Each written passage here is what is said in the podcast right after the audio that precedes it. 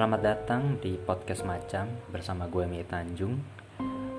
Pada episode ini gue akan membacakan sebuah cerita pendek bergenre horor dengan judul Penghuni Kamar Nomor 7. Cerita pendek ini dipublikasikan di aplikasi Wattpad oleh akun Kembang Kantil atau @kmbg Kantil yang telah dibaca sebanyak 4.900an pembaca Cerita horor ini merupakan kisah nyata yang dialami Mira dan Santi saat mengenyam bangku perkuliahan di kota Bandung di tahun 2011. Sebagai penulis nih ya, si, si Kembang Kantil ini hanya menyusun naskah dan pengakuan Mira, nama dan tokoh yang ada di cerita ini sengaja disamarkan untuk menjaga privasinya. Oke, langsung kita bacain aja ya. Penghuni kamar nomor 7 Perkenalkan, namaku Mira. Aku bungsu dari empat bersaudara. Aku berasal dari salah satu kecamatan di Kabupaten Bogor, Jawa Barat. Tepat di tahun 2011, aku lulus di salah satu SMA di Kabupaten Bogor. Pada saat itu, aku sebenarnya tidak ingin melanjutkan pendidikan. Keinginanku hanya satu, yaitu langsung bekerja dan bisa menghasilkan uang agar tidak membebani kedua orang tuaku lagi. Maklum, Aku terlahir dari keluarga yang biasa-biasa saja. Ayahku hanya seorang petani, sementara ibuku berjualan sayur mayur di pasar. Namun, kedua orang tuaku memaksaku untuk melanjutkan pendidikan. Karena kata mereka, aku harus bisa melebihi mereka berdua, mengubah nasib keluarga jika memiliki gelar tinggi. Karena desakan kedua orang tuaku itu, aku hanya bisa menuruti saja. Awalnya ayah memintaku untuk kuliah di Yogyakarta. Bukan tanpa alasan ayah mengingatkanku berkuliah di sana, karena kakak pertamaku sudah menetap dan berkeluarga di sana. Jadi aku biar bisa terpantau karena ikut tinggal di rumah kakakku. Terlebih biaya kuliahku juga akan dibantu oleh kakak pertamaku itu. Namun aku menolak tetap saja aku dan ada rasa tidak enak Penolakanku bukan karena ingin hidup bebas, tapi seandainya kakakku masih lajang, aku pasti menyetujui keinginan ayah. Akhirnya aku minta agar aku bisa kuliah di kota Bandung. Karena jarak yang tak begitu jauh, setiap weekend atau libur kuliah, tentu aku bisa pulang ke rumah. Dibandingkan jika aku harus kuliah di Yogyakarta, bisa-bisa aku cuma pulang setahun sekali, seperti kakak pertamaku. Setelah cukup lama menimbang permintaanku, ayah akhirnya mengizinkan. Toh ada sahabatku yang juga akan kuliah di kota kembang itu. Namanya Santi. Dengan begitu ayahku percaya karena Santi juga sudah kenal dekat dengan keluargaku. Singkat cerita, aku dan Santi pergi bersama-sama ke kota Bandung untuk mendaftar di dua perguruan tinggi. Satu perguruan tinggi negeri atau PTN dan satunya lagi perguruan tinggi swasta atau PTS. PTN yang aku pilih sama dengan Santi, sementara untuk PTS-nya berbeda. Santi memilih PTS yang ada di wilayah Taman Sari, sementara aku memilih PTS yang lokasinya berada di Patiukur. Kami sendiri tidak ikut jalur mandiri untuk biasa kuliah di PTN karena tentu saja kembali lagi pada masalah keuangan keluarga kami. Awal tiba di kota Bandung, kami berdua memang tak langsung mencari tempat kos. Masalahnya, kami masih buta jalan dan daerah di kota Bandung. Kebetulan saat itu, Santi memang berencana akan ikut tinggal di rumah tantenya yang ada di daerah Sukajadi untuk sementara waktu. Dan bersyukurnya aku waktu itu, tantenya Santi mengizinkan aku untuk ikut tinggal juga. Kami tinggal di Tante Dita, Panggil saja begitu. Setidaknya hampir dua minggu sampai kami menemukan kosan putri yang cocok. Kosan putri pilihan kami berada di daerah X. Akhirnya kami memutuskan untuk segera menepati kosan baru itu karena sudah merasa tak enak dan cukup merepotkan Tante. Meskipun saat itu kami masih menunggu jadwal tes tertulis SNPTN. Tante, Mira ucapkan terima kasih sudah diterima dengan sangat baik di sini. Maaf kalau Mira banyak merepotkan. Selamat tinggal sini. Kataku sangat berpamitan. Ah, enggak. Tante justru senang. Setidaknya tante ada temen beberapa minggu ini. Ingat ya, kalau sudah ngekos jangan pernah nakal. Ancam tante Dita. Neng, nanti kalau ada waktu luang, sering-sering main ke sini ya. Tante juga minta tolong, nanti kasih tahu juga lokasi kosan kalian. Pintanya kepada Santi. Insya Allah, Tante, jawab Santi. Setelah berpamitan, kami arahkan kaki dan koper kami keluar rumah dari rumah Tante Dita dengan perasaan yang cukup sedih. Ini dikarenakan kami teringat dengan treatment Tante Dita kepada kami yang begitu luar biasa baiknya. Kalaupun aku sukses nanti, aku pasti tidak akan pernah melupakan jasa Tante Dita kepadaku. Tepat pukul 3 sore kami meluncur ke tempat kosan baru dengan menggunakan taksi. Tiba di jalan raya X, kami akhirnya turun. Masalahnya, jalan menuju kosan tak bisa dilalui kendaraan roda 4. Kami pun akhirnya menyusuri jalan gang itu menuju ke kosan baru kami. Jaraknya tak begitu jauh dari jalan raya, palingan sekitar 80 meteran saja.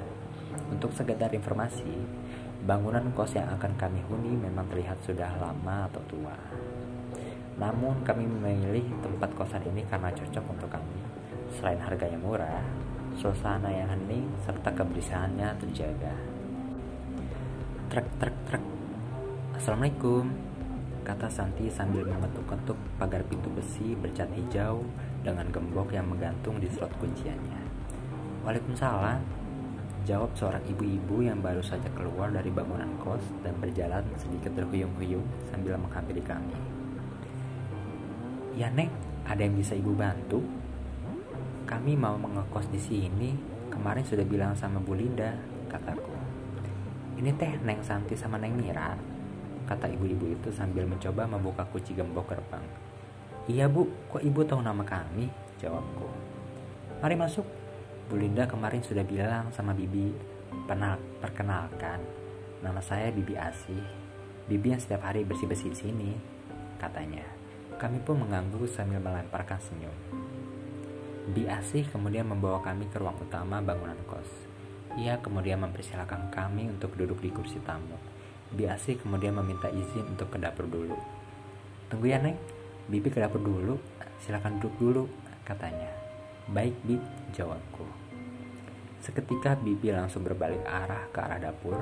Aku pun membuka obrolan kepada Santi tentang antusiasmeku bisa ngekos di tempat ini. Enak ya Ti, rumahnya nyaman, sepi dan gak berisik. Iya Mir, sejuk juga hawanya di sini gak beda jauh sama Bogor, kata Santi tertawa. Tak begitu lama, Biasi kemudian kembali dengan dua gelas teh tawar di kedua tangannya. Ini Neng, minum dulu. Terima kasih Bi, Atuh gak usah repot-repot padahal Jawab Santi Ah enggak cuma air saja kok Neng Santi sama Neng Mira asalnya dari mana kalau Bibi boleh tahu Dari Bogor Bi. Kalau Bi asih tanyaku Bibi mah dari Cianjur cuma suami Bibi dari sini. Nah kalau Bu Linda sama dari Cianjur juga. Beliau tinggal di sana. Oh iya ini kunci kamarnya Neng. Kamarnya di lantai dua ya. Kata Bibi sambil menyodorkan kunci kamar yang gantungannya berupa angka 7 dan angka 8. Setelah berbahasa basi, kami akhirnya izin kepada Biasi untuk masuk ke dalam kamar. Sebelum langkah kami mencapai anak tangga, Biasi memberitahu kami untuk tidak sesering mungkin keluar malam. Karena, kata dia, di Bandung sedang ramai tidak kejahatan jalanan. Iya, Bi, kami juga tidak suka keluar malam kok, kataku.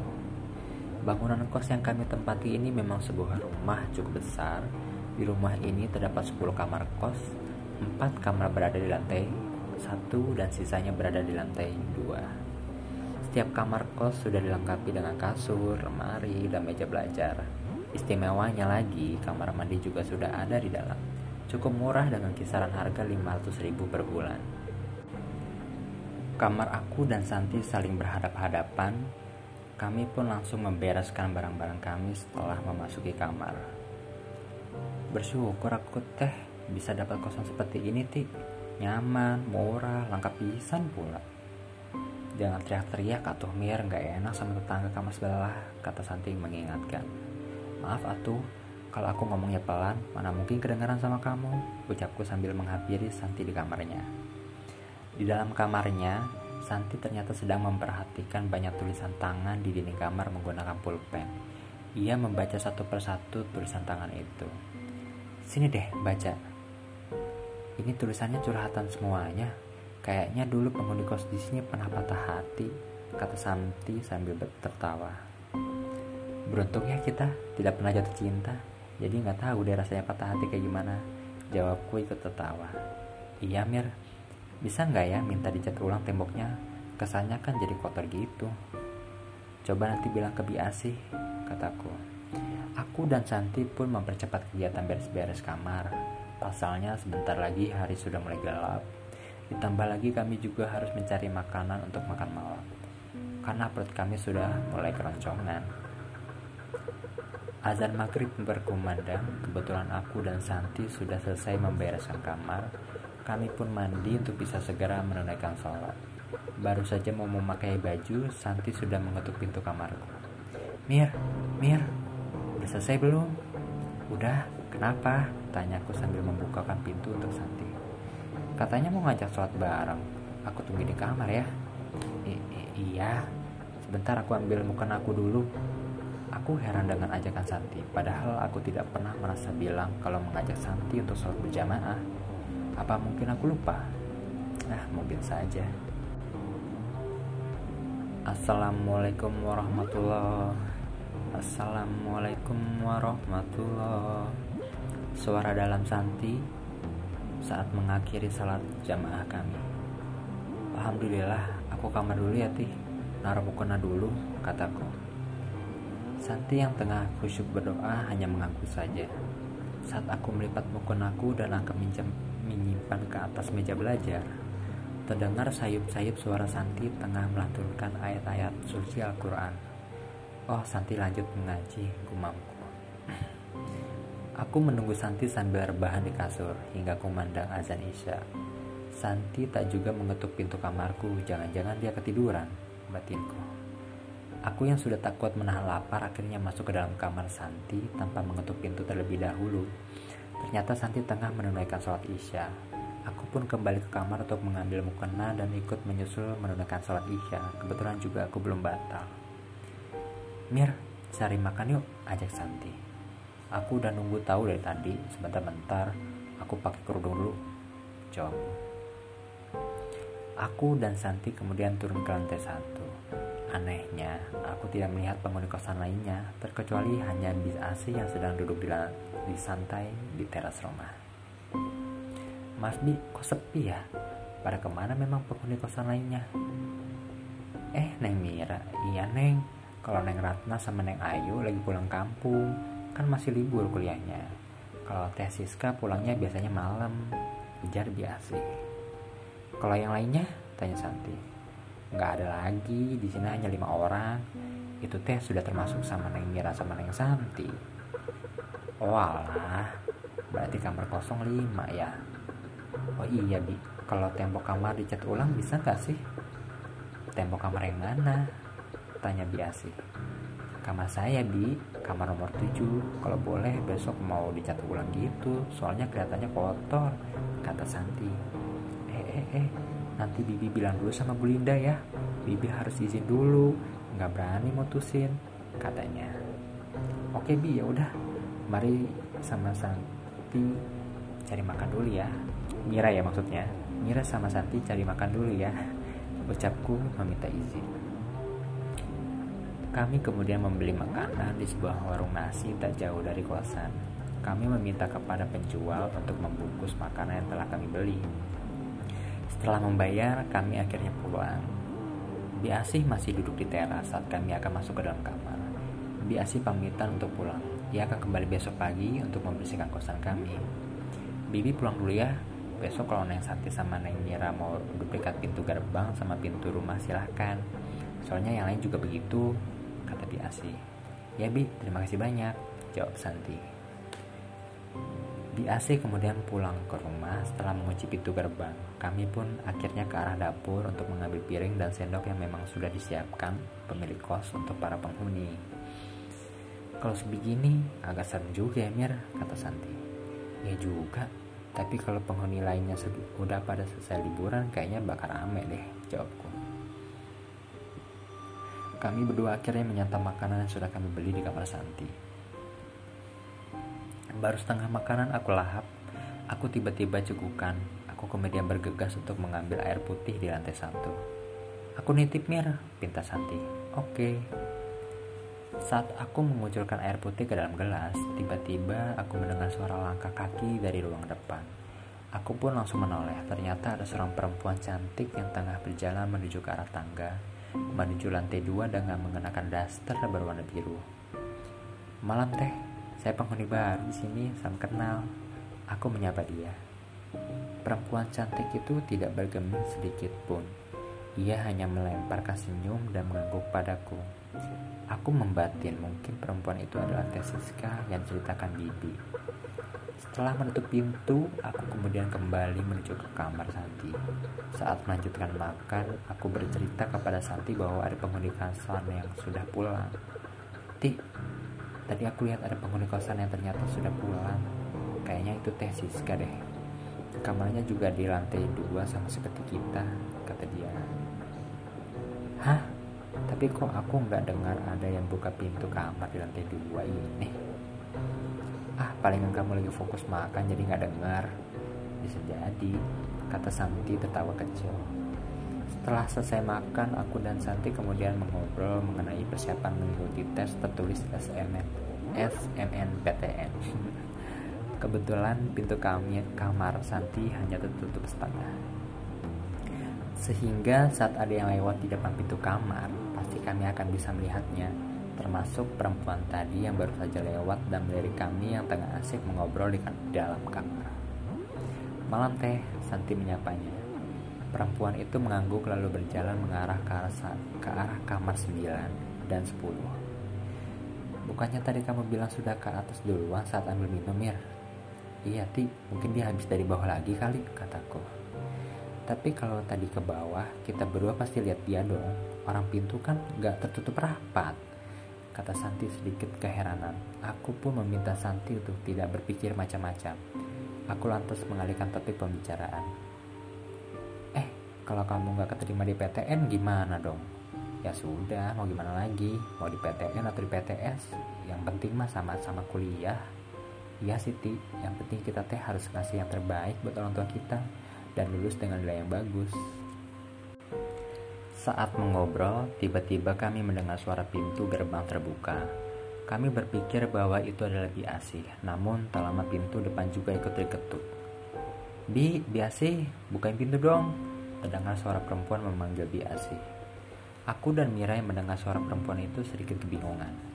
Jangan-jangan itu salah satu penghuni kos lainnya yang sudah selesai liburan dari kampung halamannya, Mir. Mati aku, aku lupa ngambil kunci pintunya. Tik, pasti dia nggak bisa buka kunci dari luar, kataku. Aku dan Mira bergegas menuju ke lantai bawah untuk membukakan pintu. Saat pintu terbuka, aku dan Mira cukup kaget melihat wajah perempuan tadi. Wajahnya mirip dengan perempuan yang tadi sempat bertemu dengan kami berdua di dalam rumah. Halo, kalian siapa? Mana Biasi? Uh, saya Mira teh. Ini Santi. Kami penghuni baru kosan ini. Kataku yang masih dalam keadaan sedikit shock. Hai, aku Siska. Salam kenal ya. Oh iya, nanti kalau kunci pintu depan, kuncinya dicabut ya. Soalnya aku selalu pulang malam. Kata dia sambil berjalan melewati kami untuk menuju ke kamarnya. Mir, kamar dia di lantai bawah yang di lantai atas tadi siapa? Tanya Santi kepadaku. Aku hanya menggelengkan kepala. Teh, Teh Siska, tunggu. Kataku berlari menuju ke kamarnya. Loh, loh, loh. Kalian kenapa? Kok seperti dikejar setan aja? Kata Teh Siska. Ah, no Teh. Teteh bisa temani kita di lantai atas nggak? Ucap Santi. Boleh. Sebentar ya. Aku ganti baju dulu sama cuci muka, katanya. Kami pun menunggu Tessika tepat di depan pintu kamarnya. Kami yang setengah ketakutan saling berpegangan tangan, dan pandangan kami hanya mengarah pada satu titik, yaitu kamar Teh Siska. Oke, aku udah beres. Yuk, ajak Teh Santi. Oh iya, kalau boleh tahu kalian asalnya dari mana? Tanya Teh Siska kepada kami sambil berjalan mengarah ke arah tetangga.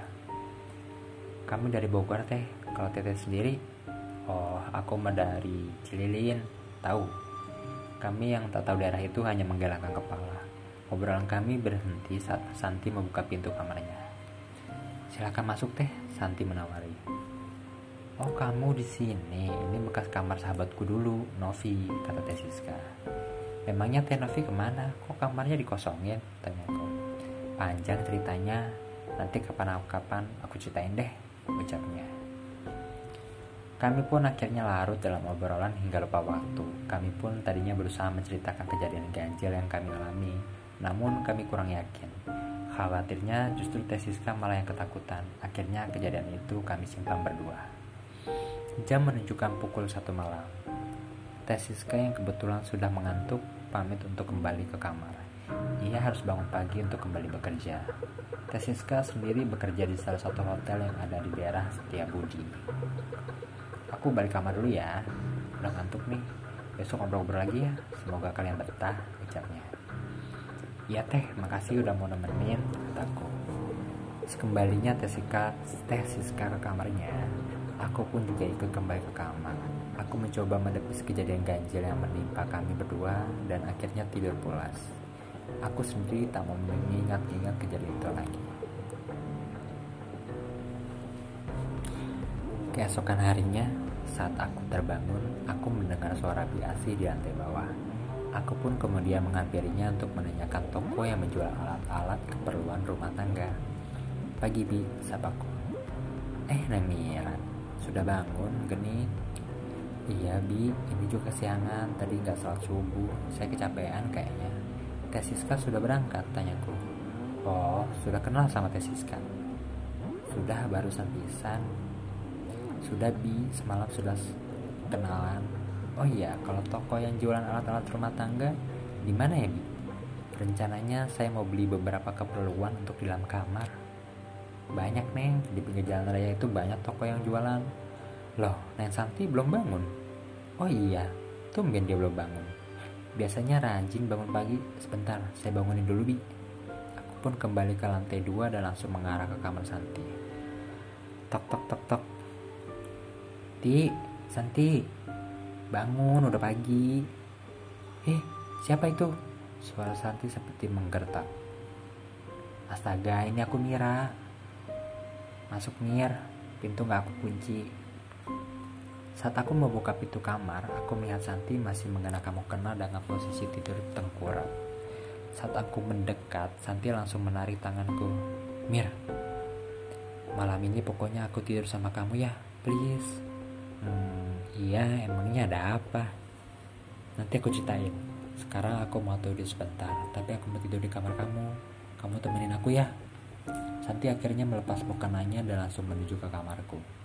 Ia kemudian meminta izin untuk keluar tidur sebentar dan meminta dibangunkan sekitar pukul 11 siang. Aku melihat Santi memang terlihat kurang tidur. Wajahnya pucat dan kantung matanya menebal. Setelah Santi tertidur, aku kemudian diam-diam keluar kamar untuk mencari sarapan. Aku membeli dua, nah, dua bungkus nasi kuning di salah satu warung dan tak jauh dari tempat kosku. Tiba di kamar, aku pun langsung memakan nasi kuning itu. Sementara Santi aku biarkan tetap tertidur. Aku sendiri tak tega untuk membangunkannya. Setelah makan, aku merampungkan merampungkan membaca novel yang belum lama ini aku beli di Bogor. Mir, bangun, kamu tuh ya jorok pisan. Habis makan bukannya diberesin. Santi membangunkanku. Rupanya setelah makan aku justru yang ketiduran sambil memegang buku novel. Dan buku bekas nasi kuningku masih terbuka di karpet yang digunakan untuk alas kasurku. Aku ketiduran, jawabku sambil menyengir. Itu aku udah beli nasi kuning buat kamu. Ya Mir, nanti aja aku makannya, aku mau mandi dulu. Aku ikut mandi di sini ya. Mangga, apa sih yang gak buat kamu? Jawabku. Kami pun akhirnya mandi bergantian. Setelah mandi, kami akhirnya pergi untuk membeli sejumlah peralatan untuk keperluan di kosan. Di perjalanan, Santi baru berani buka suara tentang kejadian yang dialami subuh tadi saat dia menunaikan sholat. Kosan itu ada hantunya, Mir. Maksud kamu? Pertama, ada teteh-teteh yang semalam muncul mukanya mirip Teh Siska. Kedua, aku alami saat aku sholat subuh. Santi kemudian menjabarkan kronologi detail kejadian ganjil di pagi buta tadi. Setelah terbangun karena alarm ponselnya, ia kemudian langsung menuju ke kamar mandi untuk wudhu. Saat membungkuk untuk wudhu, ia merasa melihat seperti ada seseorang yang tengah berdiri di kamar mandi. Pas aku bungkuk mau basuh hidung, mata aku tuh kayak lihat kaki persis di sebelah kiri.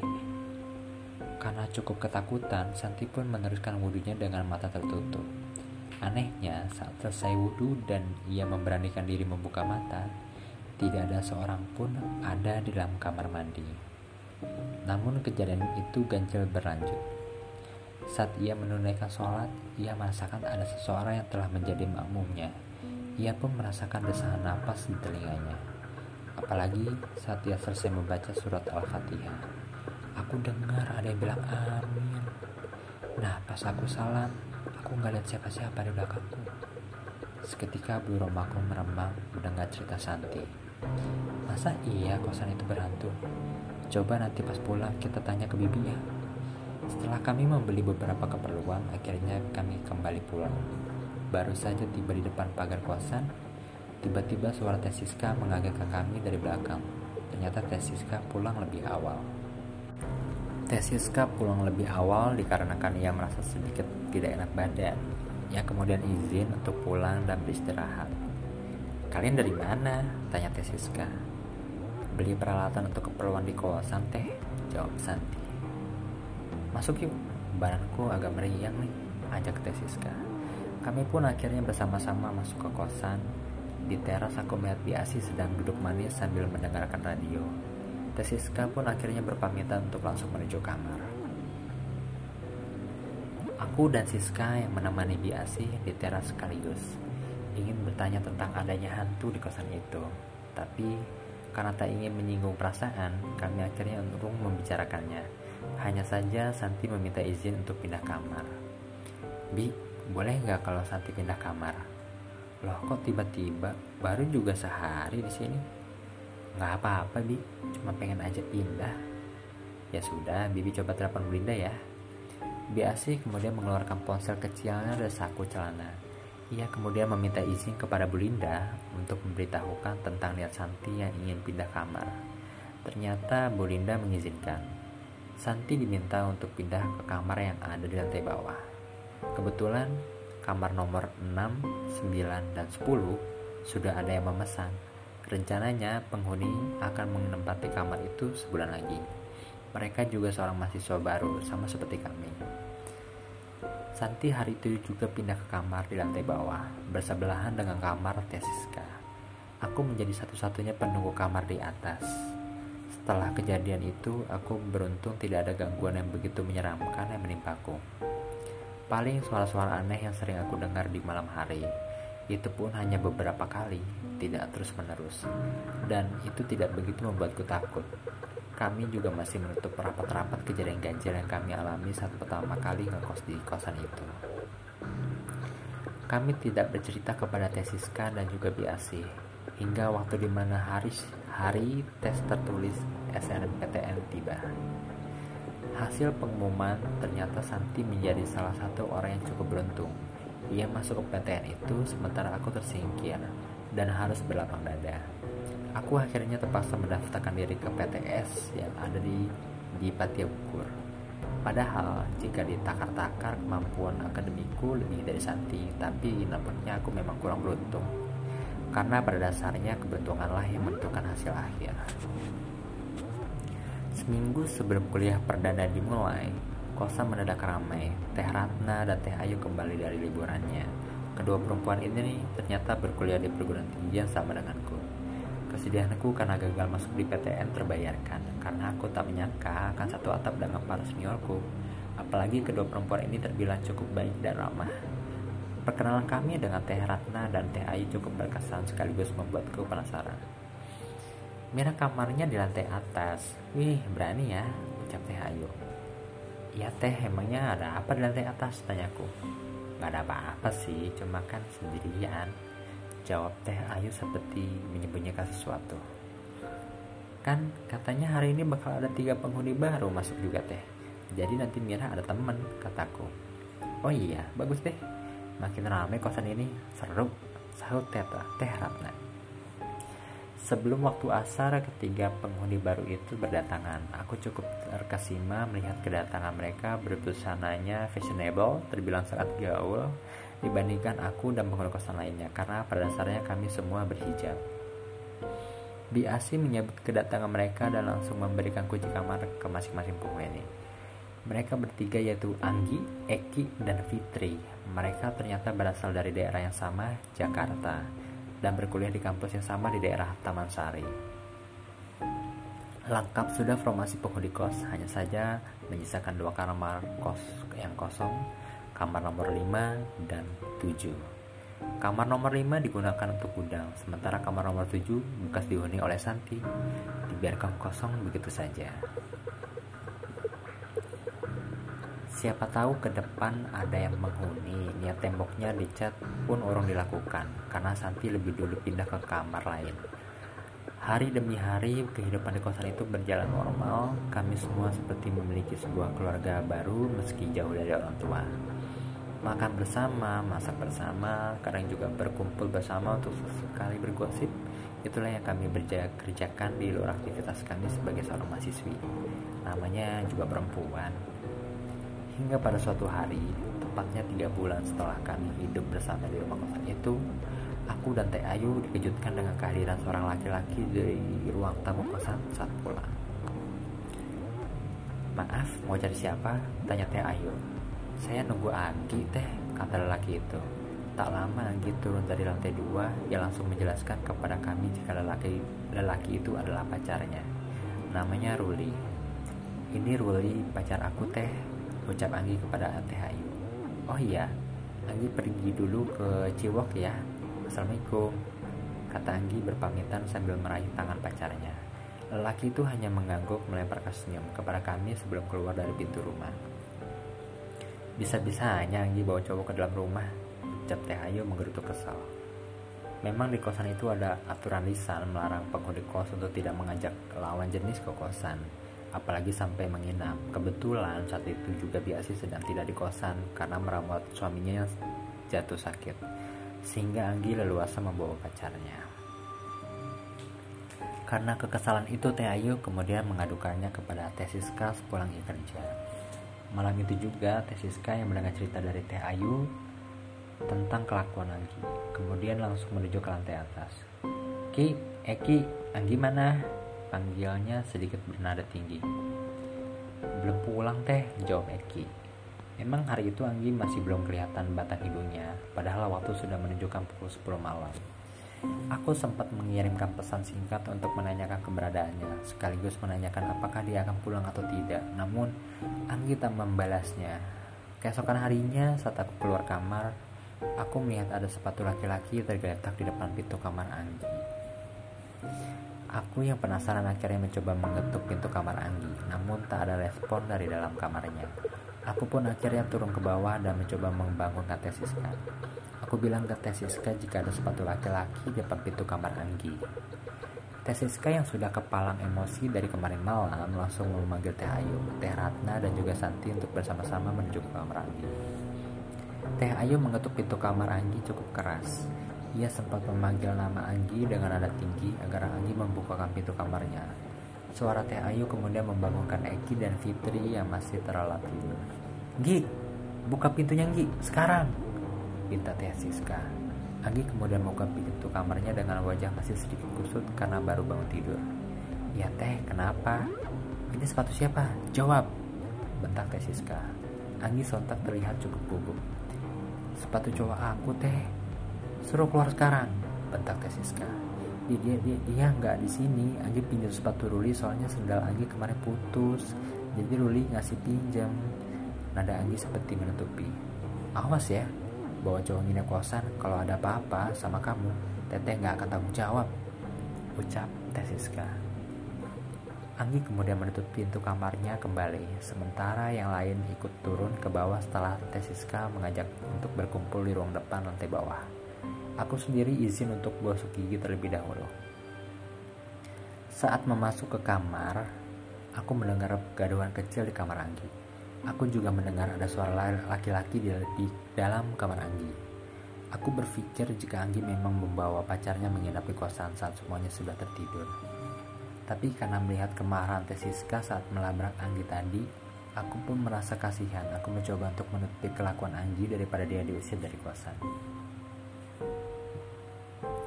Di ruang depan lantai bawah, Tesiska kemudian bilang kepada para penghuni kecuali Anggi untuk tidak nekat membawa lawan jenis ke kosan.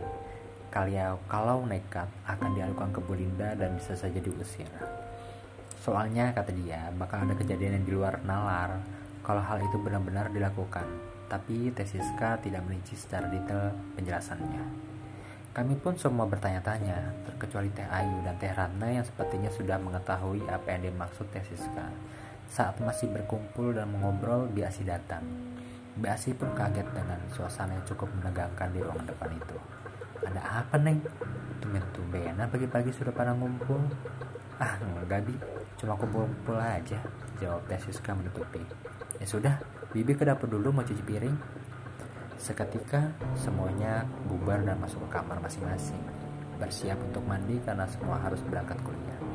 Sementara aku mengajak Santi untuk ke kamarku terlebih dahulu. Aku ingin memberi bukti kepada Santi jika Anggi memang membawa pacar yang menginap. Aku nggak mau suzon Ti, tapi kamu coba deh di sini dulu. Ada apa memangnya? Pacar Anggi masih ada di kamar. Aku tadi dengar suara laki-laki dalam kamar Anggi. Karena tak juga mendengar suara laki-laki, Santi pun akhirnya nekat menguping di pintu kamar Anggi. Namun sialnya niat Santi diketahui oleh Fitri yang saat itu tengah keluar kamar. Kamu ngapain situ Santi? Tegur Fitri. Jangan berisik, jawab Santi. Ternyata kegaduhan di depan kamarnya membuat Anggi membuka pintu kamar. Anggi yang melihat Santi berdiri di depan pintu kamarnya langsung curiga jika Santi sedang menguping. Karena posisinya badannya sedikit membungkuk, sontak Anggi pun membentak Santi dengan kata-kata kasar khas marahnya orang ibu kota. Santi menangis karena rasa bersalahnya yang dekat menguping kamar Anggi. Aku dan Fitri langsung menenangkan, menenangkan. Santi pun lari ke kamarnya, sementara aku menarik Anggi dan membawa masuk ke kamarku ditemani Fitri. Sudah Anggi, aku tahu kalau cowokmu ada di kamar. Jangan fitnah ya. Anggi masih ngeles. Aku dengar tadi suara laki-laki di dalam kamar kamu. Kamu jangan bohong. Apa aku minta tes Siska buat geledah kamar kamu? Kebetulan dia belum berangkat kerja. Anggi pun terdiam dan raut mukanya terlihat panik. Anggi akhirnya jujur jika Ruli memang tidur sekamar dengannya. Ruli menginap karena saat mengantar Anggi malam sudah begitu larut. Apalagi jika Ruli memaksakan pulang, Anggi khawatir ada apa-apa di jalan. Apalagi Ruli tidak membawa kendaraan pribadi. Aku minta tolong, jangan bilang ke siapa-siapa. Cukup kita aja yang tahu. Anggi merengek kepadaku dan juga Fitri. Karena alasan yang sangat masuk akal, aku akhirnya menuruti permintaan Anggi. Begitu juga dengan Fitri. Selepas itu, aku meminta agar Anggi meminta maaf kepada Santi karena telah membentaknya. Anggi pun menyetujuinya. Namun dengan syarat, permintaan maaf itu akan dilakukan jika penghuni lain sudah berangkat untuk beraktivitas, karena ia takut kelakuannya diketahui penghuni lainnya. Setelah semuanya berangkat, Anggi dan aku kemudian mengetuk pintu kamar Santi bermaksud mengantarkan Anggi untuk meminta maaf kepada Santi. Namun berkali-kali pintu kamar diketuk, Santi juga tidak merespon. Biasi yang curiga lantas menghampiri kami. Sudah berangkat kali Neng Santinya? Loh, Neng Anggi sama Neng Mira nggak kuliah? Jadwal kuliah Sob Mira sore bi jawabku. Kalau Anggi lagi kurang enak badan jadi izin sahut Anggi. Ya sudah, Bibi izin pulang dulu atau ya.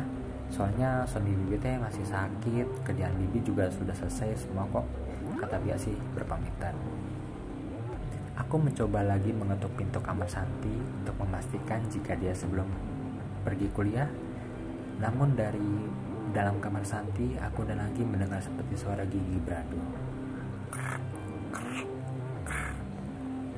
Mungkin tidur Gi. Nanti sajalah, sekarang gimana caranya pacar kamu harus pulang sebelum yang lain pulang, pitaku. Iya Mir, Hampir masuk waktu maghrib, aku tiba di kosan setelah selesai mengikuti perkuliahan. Aku pulang dengan membawa dua bungkus makanan. Satu untuk aku makan, satunya aku sengaja belikan untuk Santi. Namun baru saja melewati pintu depan, aku mendengar suara Santi menangis dari dalam kamar. Ternyata Semua penghuni kosan sudah ada di ruangan depan, terkecuali Tesiska yang belum pulang dari kerjanya. Mir, dari tadi Santi nangis terus, kata Teh Ratna. Iya Mir, kami ketuk-ketuk dia nggak mau buka pintu, kata Eki.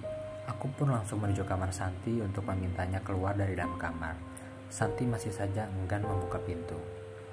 Suara tangisan Santi justru semakin keras, malahan sampai mengalahkan suara azan maghrib yang sebelumnya terdengar di telinga kami. Ti, istighfar Ti, Agi nggak sengaja tadi, keluar dong. Aku ini udah beli makan buat kamu, kamu dari pagi belum makan kan, kataku. Anggi yang merasa bersalah kemudian ikut merapat ke depan pintu kamar lalu meminta agar Santi keluar kamar. Santi, maafin Anggi ya, Anggi nggak sengaja, Anggi nggak ada maksud bentak Santi. Cicing sia ucap Santi dari dalam kamar yang membuatku dan Anggi kaget Astagfirullah, sejak kapan bahasa kamu kasar gitu, Ti? Istighfar, keluar ya, kataku. Tangisan Santi makin terdengar keras. Kami yang mendengarnya pun kebingungan. Teh Rana kemudian menyarankan agar Santi diberi waktu dulu untuk menenangkan diri. Sementara ia mengajak kami semua untuk sholat maghrib berjamaah di ruang depan. Sholat di sini aja yuk, sambil nungguin Santi dijarang-jarangkan berjamaah. Ajak Teh Ratna diiakan seluruh penghuni. Teh Ayu yang menjadi imam, sementara kami semua menjadi makmum. Barisan saf makmum dibagi menjadi dua karena ruang depan tidak begitu luas. Ditambah kanan dan kirinya terdapat sofa duduk. Saf pertama makmumnya yaitu Teh Ratna, Eki dan Fitri, sementara saf kedua makmumnya, makmumnya aku dan Anggi baru melakukan gerakan takbiratul ihram, aku mendengar suara pintu kamar terbuka. Aku pun membatin jika itu suara pintu dari kamar Santi. Di rakaat kedua, aku sedikit tidak konsentrasi dan khusyuk karena aku melihat ada seseorang yang ikut bergabung merapatkan saf di barisan kedua, berdampingan dengan Anggi. Syukurlah, Santi keluar juga, gumamku dalam hati. Selesai sholat, Tiba-tiba saja Anggi ketakutan. Makmum yang tadi ada di sebelah Anggi ternyata sudah tidak ada di tempat saat mengucapkan kalimat salam dan menoleh ke arah kiri. Mir, kamu tadi lihat kan Santi ada di sini, kata dia. Eh, iya jawabku. Kok tiba-tiba nggak ada? Aku pun tidak berkata-kata dan dengan sedikit kebingungan aku langsung menoleh ke arah pintu kamar Santi. Ternyata pintu kamar Santi masih tertutup. Makmum di barisan kedua pun ikut menoleh ke belakang, sementara Teh Ratna meyakinkan aku dan yang lainnya jika dia ikut mendengar suara pintu kamar terbuka. Awalnya ia juga mengira jika itu adalah Santi. Kami semua dibuat kebingungan. Jangan-jangan, kata Teh Ayu yang tak melanjutkan ucapannya karena diberi isyarat oleh Teh Ratna. Aku yang sedikit ketakutan pun akhirnya membuka mulut jika kejadian seperti ini sempat aku alami bersama Santi saat pertama kali menempati kosan. Aku pun menceritakan sebuah kejadian dari awal melihat seorang perempuan yang mukanya mirip Teh Siska. Suara aneh hingga Santi yang merasa diganggu saat melakukan sholat subuh waktu itu. Karena saking ketakutannya, kami akhirnya tetap berkumpul di ruang depan. Aku sendiri tak percaya bahwa kejadian ini akan kembali terjadi setelah berbulan-bulan lamanya. Kami hidup nyaman dan tenang di kosan itu. Tesiska yang pulang sekitar pukul 10 malam keheranan dengan kami semua yang berkumpul di ruang depan dengan masih mengenakan mukena. Loh, kalian ngapain di sini? Tanya Tesiska. Tadi sholat maghrib berjamaah di sini teh, jawab Teh Ayu. Tapi kami nggak lanjutin sholat isya karena kami diganggu. Aduh, kata Anggi yang tak jadi melanjutkan ucapannya setelah kakinya dicubit oleh Teh Ayu.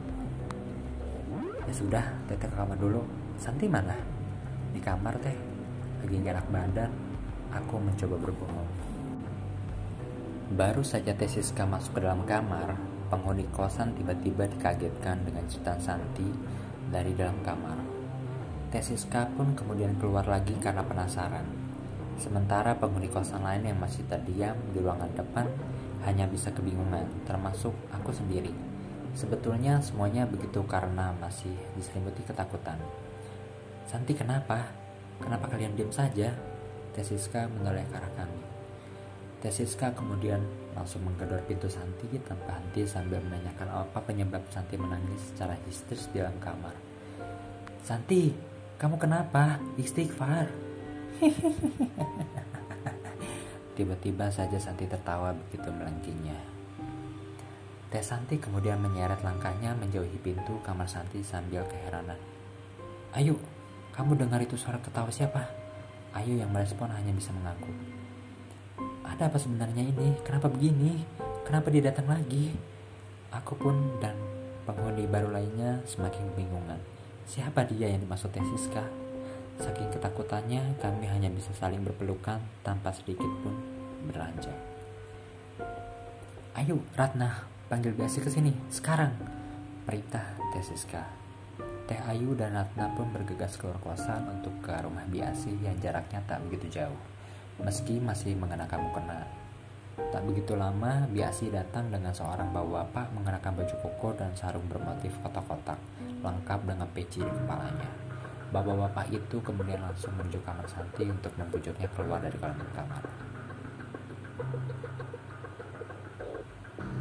Neng, atus Neng, ayo ah orang ngobrol, bukannya Neng, sudah Neng. Nanti Mas Santi masih saja enggan keluar kamar. Tangisannya makin histeris. Tangisan Santi malah membuat tetangga mulai berdatangan yang penasaran ada kejadian apa di kosan kami. Eh naon Pak Sobar?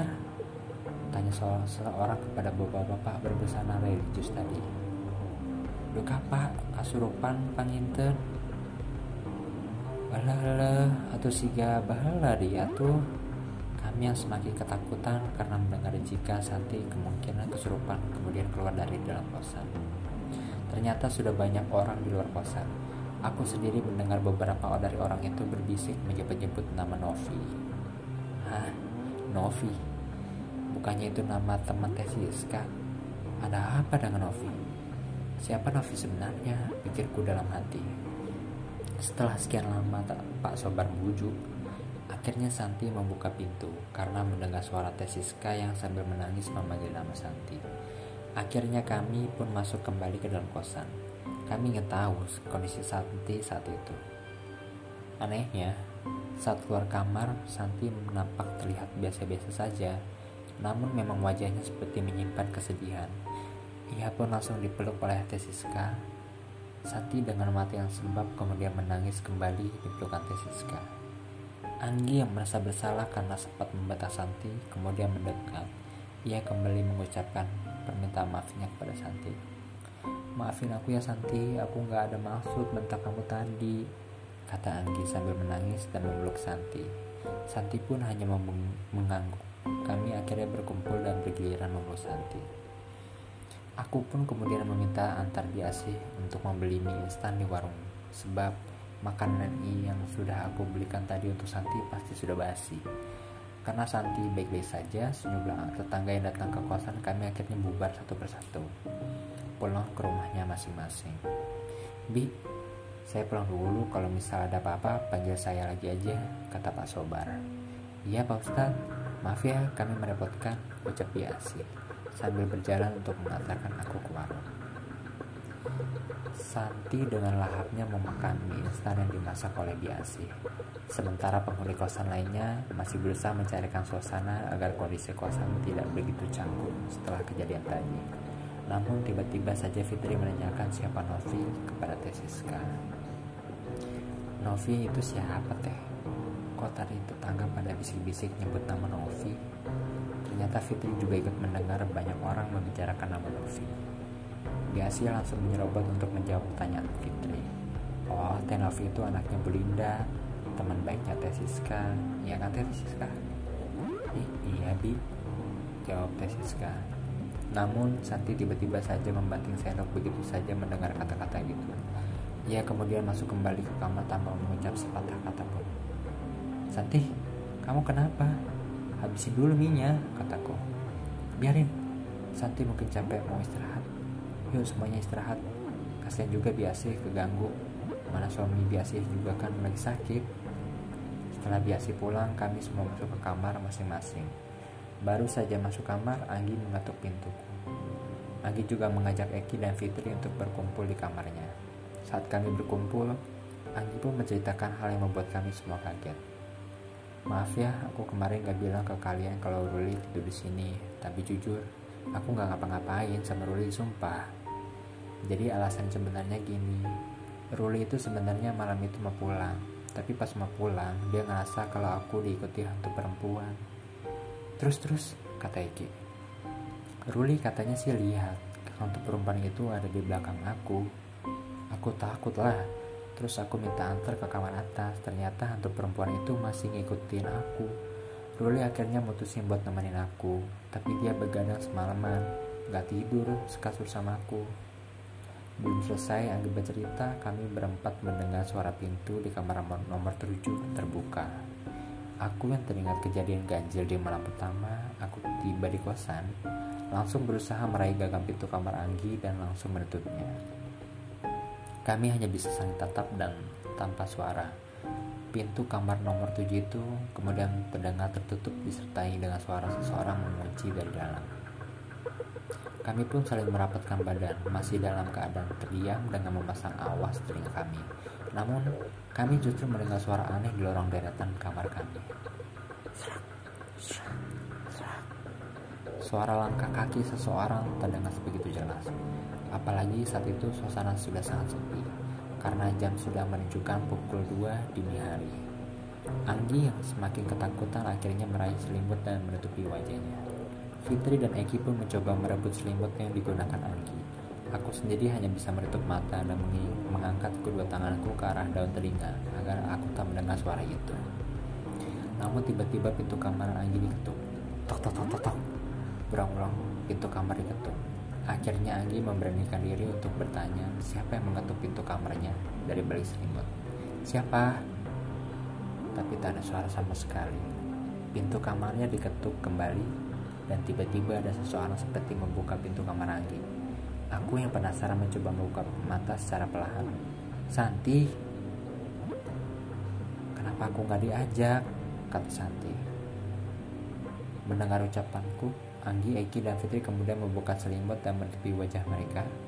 Baru saja Anggi mengajak masuk Santi, tiba-tiba muka Santi berubah menjadi pucat pasi. Ia tiba-tiba menyeringai memandangi kami. Giginya terlihat menguning dan tiba-tiba tertawa melengking. Kami yang melihat Santi begitu, sontak berlarian keluar dari dalam kamar menabrak tubuh Santi yang berdiri tepat di depan kamar Anggi. Kami turun ke bawah dan menggedor kamar Tesiska. Teh Siska yang sudah tertidur tampak terlihat emosi melihat kelakuan kami semua. Teh Ayu dan Teh Ranta pun ikut keluar dari kamar. Kami pun masuk secara paksa ke kamar Teh Siska tanpa permisi. Disusul Teh Ayu dan Teh Ranta yang penasaran. Ada apa ini? Teh, tut teh tutup pintunya sekarang. Kataku yang sudah menempel di sudut tembok belakang pintu kamar Teh Siska. Teh Siska masih kebingungan, akhirnya menutup pintu kamarnya. Di dalam kamar kami semua berkumpul, terkecuali Santi. Aku pun akhirnya menceritakan kejadian yang baru saja kami alami. Merasa aneh, Tesiska kemudian keluar kamar dan mencoba mengetuk pintu kamar Santi. Santi, udah tidur? Anehnya Santi membuka kunci dan membuka pintu kamarnya. Iya teh, kenapa? Udah tidur kamu? Udah teh, aku teh ngerasa capek pisan, gak tau kenapa. Ikut yuk ke kamarku, ajak Tesiska. Santi akhirnya masuk ke dalam kamar Tesiska. Kami yang ketakutan tak berani memandang wajah Santi. Kalian cuma ngapain sini? Tanya Santi. Kamu tadi kamar Anggi kan? Tanyaku memberanikan diri. Kapan? Baru aja, jawab Fitri. Orang aku dari sore tidur di kamar, aku teh gara-gara itu. Teh gara-gara Anggi aku sakit hati, kata Santi mengadu ke Tesiska. Mendengar penjelasan Santi itu, semua penghuni kosan mendadak kebingungan. Tentu saja karena tadi Santi sempat menangis histeris di kamar. Lalu akhirnya tenang dan keluar kamar untuk makan mie instan. Setelah itu, Santi terlihat marah lagi dan kembali ke kamarnya saat Fitri menanyakan ke Tesiska soal seseorang yang bernama Novi. Sudah, besok teteh mau cerita. Sekarang semuanya kembali tidur ya, kata Tesiska. Aku mau ikut tidur di sini ya teh. Aku meminta izin. Aku juga, kata Anggi disusuk Fitri dan Eki. Udah, udah, udah, udah, gini aja. Anggi sama Mira tidur sama Teteh, Eki sama Ayu, Fitri sama Ratna ya, kata Teh Siska. Aku teh, kata Santi. kamu karena nggak tahu ceritanya kamu tidur aja di kamar sendiri ya ucap Teh Siska Mir sama aku aja kata Santi. Aku hanya menggelengkan kepala.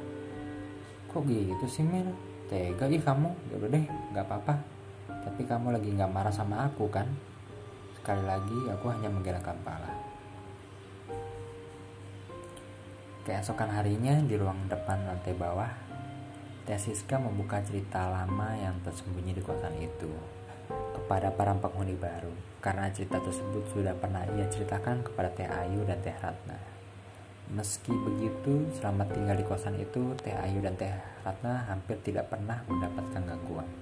Maka dari itu, Teh Ayu dan Teh Ratna menjadi penghuni terlama yang cukup betah tinggal di kosan itu. Aku sebetulnya sudah merasakan hantu itu muncul lagi setelah kalian tiba di sini beberapa bulan lalu. Tapi aku percaya hantu tidak sejahat itu kalau kalian tidak melakukan ulah yang fatal. Ulah apa teh? Tanyaku. Anggi, Anggi lah yang berulah memasukkan laki-laki ke kosan ini, kata Teh Siska. Ternyata hantu itu tidak suka dengan keberadaan laki-laki di kosan itu. Sementara mengenai kemunculannya di hari pertama, aku dan Santi menghuni kosan itu, menurut Teh Siska, hantu itu hanya ingin berkenalan saja. Dulu hampir rata-rata penghuni kosan juga mengalami hal yang serupa. Namun hampir semua yang pernah mengekos di kosan itu tidak betah dan akhirnya pindah, menyisakan Teh Ratna dan Teh Ayu. Memang hantu ini bisa meniru wajah siapa saja karena banyak dari pengakuan penghuni kosan dulu hantu ini menampakkan dengan wajah para penghuni kosan katanya. Lalu apa hubungannya dengan Novi? Tanyaku. Hmm, Novi adalah sahabatku yang meninggal tujuh tahun lalu karena keterpleset jatuh di tangga itu setelah sholat subuh. Kepalanya terbentur lantai yang menyebabkan Novi mengalami luka dalam di kepalanya. Menurut Tesiska, Novi sempat koma selama seminggu saat menjalani perawatan di dalam satu rumah sakit di kota Bandung sebelum akhirnya meninggal dunia. Novi terjatuh saat berlari turun ke bawah dengan masih mengenakan mukena. Sebelum kejadian itu, Novi sholat subuh berjamaah dengan penghuni kosan lainnya ia memang terbiasa menjadi makmum. Jadi sebetulnya itu hantu Tenovi atau tanya Fitri.